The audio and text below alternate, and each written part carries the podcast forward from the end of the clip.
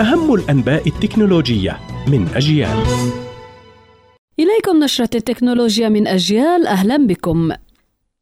واشنطن لا تستبعد وضع حدود لاستخدام الذكاء الاصطناعي في المجال العسكري بالتعاون مع روسيا والصين. وقالت دبلوماسية أمريكية إن واشنطن لا تعتبر أن من الضروري تبني وثائق ملزمة قانونيا بشأن عدد من التكنولوجيات الجديدة.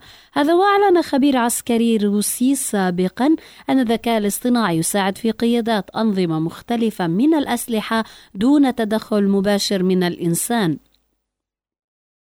ما يمكن أن يضمن في المستقبل العدد الأدنى من الضحايا في النزاعات العسكرية.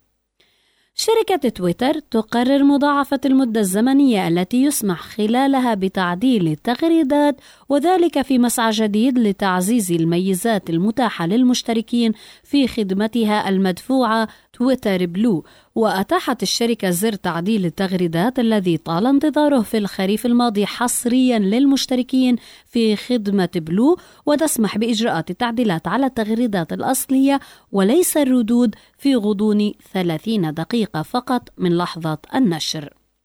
باحثو شركة كاسبرسكي يطرحون أداة خاصة جديدة تحمل اسم Triangle Check تتولى البحث التلقائي عن أي حالات إصابة بالبرامج الخبيثة وتتوفر الأداة للأجهزة العاملة بأنظمة macOS و Windows وأصدرت كاسبرسكي تقريرا عن وجود نوع جديد من التهديدات المتقدمة المستمرة التي تستهدف الأجهزة المحمولة التي تعمل بنظام iOS.